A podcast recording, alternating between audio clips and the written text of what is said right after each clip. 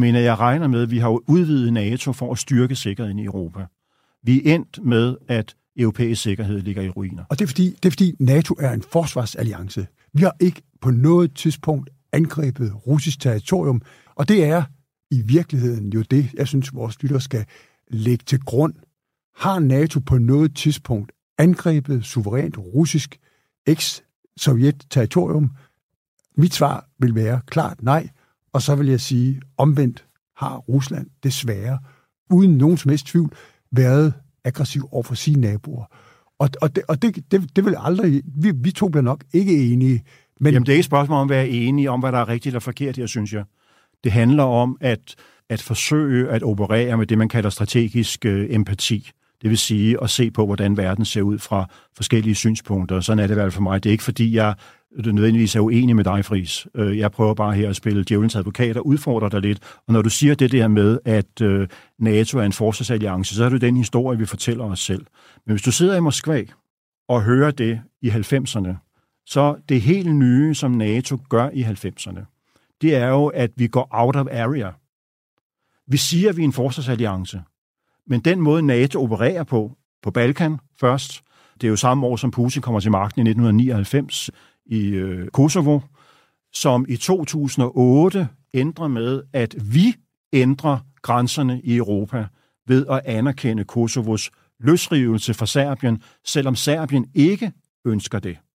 Vi bistår USA i Irak i en angrebskrig, hvis jeg nu skal bruge dit eget ord i forhold til øh, krig i Ukraine. Vi går ind i Libyen, som også er styret af NATO's generalsekretær, daværende øh, Anders Fogh Rasmussen.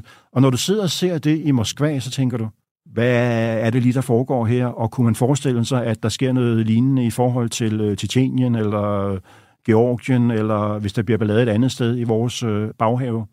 Så det ser lidt anderledes ud fra Moskva. Det er nogle andre ting, man, man, man, man fester sig til. Jeg har hørt Putin flere gange, når han jo bliver spurgt om Georgien i 2008, Abkhazien og Sydossetien eller Krim, så fortæller han altid den der historie om Kosovo.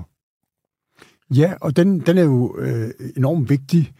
Min, min vurdering er, at det verdenssamfundet gør med den FN-styrke, der hedder UNPROFOR, med en japansk leder på Balkan i midten af 90'erne, en forfærdelig krig, hvor der i virkeligheden er en ekstremt brutal krig i Europa. Jeg sidder ikke og siger, at EU og NATO kun do good, men vi har gjort alt overvejende godt, for eksempel i Balkan, ved at gå ind og få den FN-styrke, der var, UNPROFOR, erstattet med en S-for, en NATO-styrke, som da den amerikanske præsident Bill Clinton efter to års nølen og isolationisme, tilbagetrækning, refererer Anthony Lake, der erkender, at det var en fejl. Han sidder i dag som professor på Georgetown University, lige ved siden af den danske ambassade i Washington D.C. En af de ting, Lake meget ærligt kommer frem med, det er, at da USA's præsident Bill Clinton endelig efter to år i det hvide hus erkender, at USA skal forpligte sig på Europas sikkerhed, går han ind og, og med Holbrooke får han med militær støtte til NATO's styrke SFOR bilagt så mange af stridighederne mellem Serbien og deres andre naboer for at forhindre etnisk udrensning i Europa i 90'erne.